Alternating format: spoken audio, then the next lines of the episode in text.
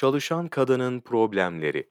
Türkiye'de ihmale uğrayan konulardan biri de şüphesiz çalışan annedir. Kadına iş veren müesseseler, onun aynı zamanda bir anne ve ev kadını olduğunu kabul etmek istemiyorlar. Günümüzde bir ev tek maaşla geçinmez tekerlemesi adeta peşin hüküm haline gelmiştir. Bilhassa okumuş kadınlar kendilerini çalışmak zorunda hissetmektedirler. Çalışmak ve para kazanmak teorik planda kadına cazip geliyor. İhtiyaçlarını daha kolay temin edebilecek, kocasının eline bakmayacak, hatta eve ekonomik katkıda bulunarak itibar kazanacaktır.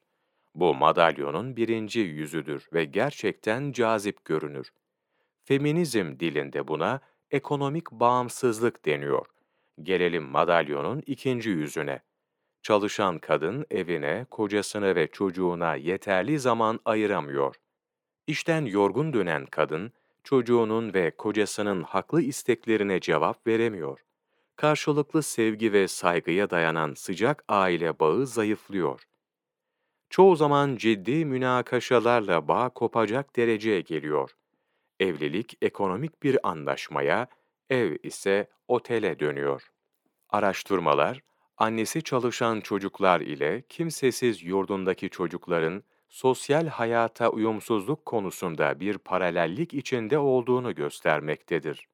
Bize, yani psikiyatriste yardımcı olmamız için getirilen problemli çocukların önemli bir bölümünü, çalışan annelerin çocukları teşkil etmektedir. Çocuklarına ayıracak yeterli zamanları olmadığından onlarla sıcak bir bağ kuramıyorlar. Çocuklar yabancı elinde büyüyor. Annesinden yeterli sevgi, ilgi ve şefkat alamadığından güven duygusu yerleşmiyor. Ruhsal ve fiziksel rahatsızlıklar sebebiyle doktora başvuran kadınların çoğunluğunu çalışan anneler teşkil etmektedir. Yine sakinleştirici ilaçlar kullananlar için de çalışan kadınlar ilk sırayı almaktadır. Bu kadınların hepsi evine, çocuğuna ve kocasına karşı görevlerini yerine getirememenin ezikliği içerisindeler. Ekonomik sistem bunlara bir verirken sosyal sistem beş istiyor. Çoğunun aldığı maaş, giyim kuşamlarına ve yol parasına ancak yetiyor. Şimdi soruyoruz, kadının çalışması kendisi ve toplum için bir iyilik midir? Profesör Doktor Sefa Saygılı, Annemi istiyorum. Sayfa 11-13, 23 Ekim Mevlana takvimi.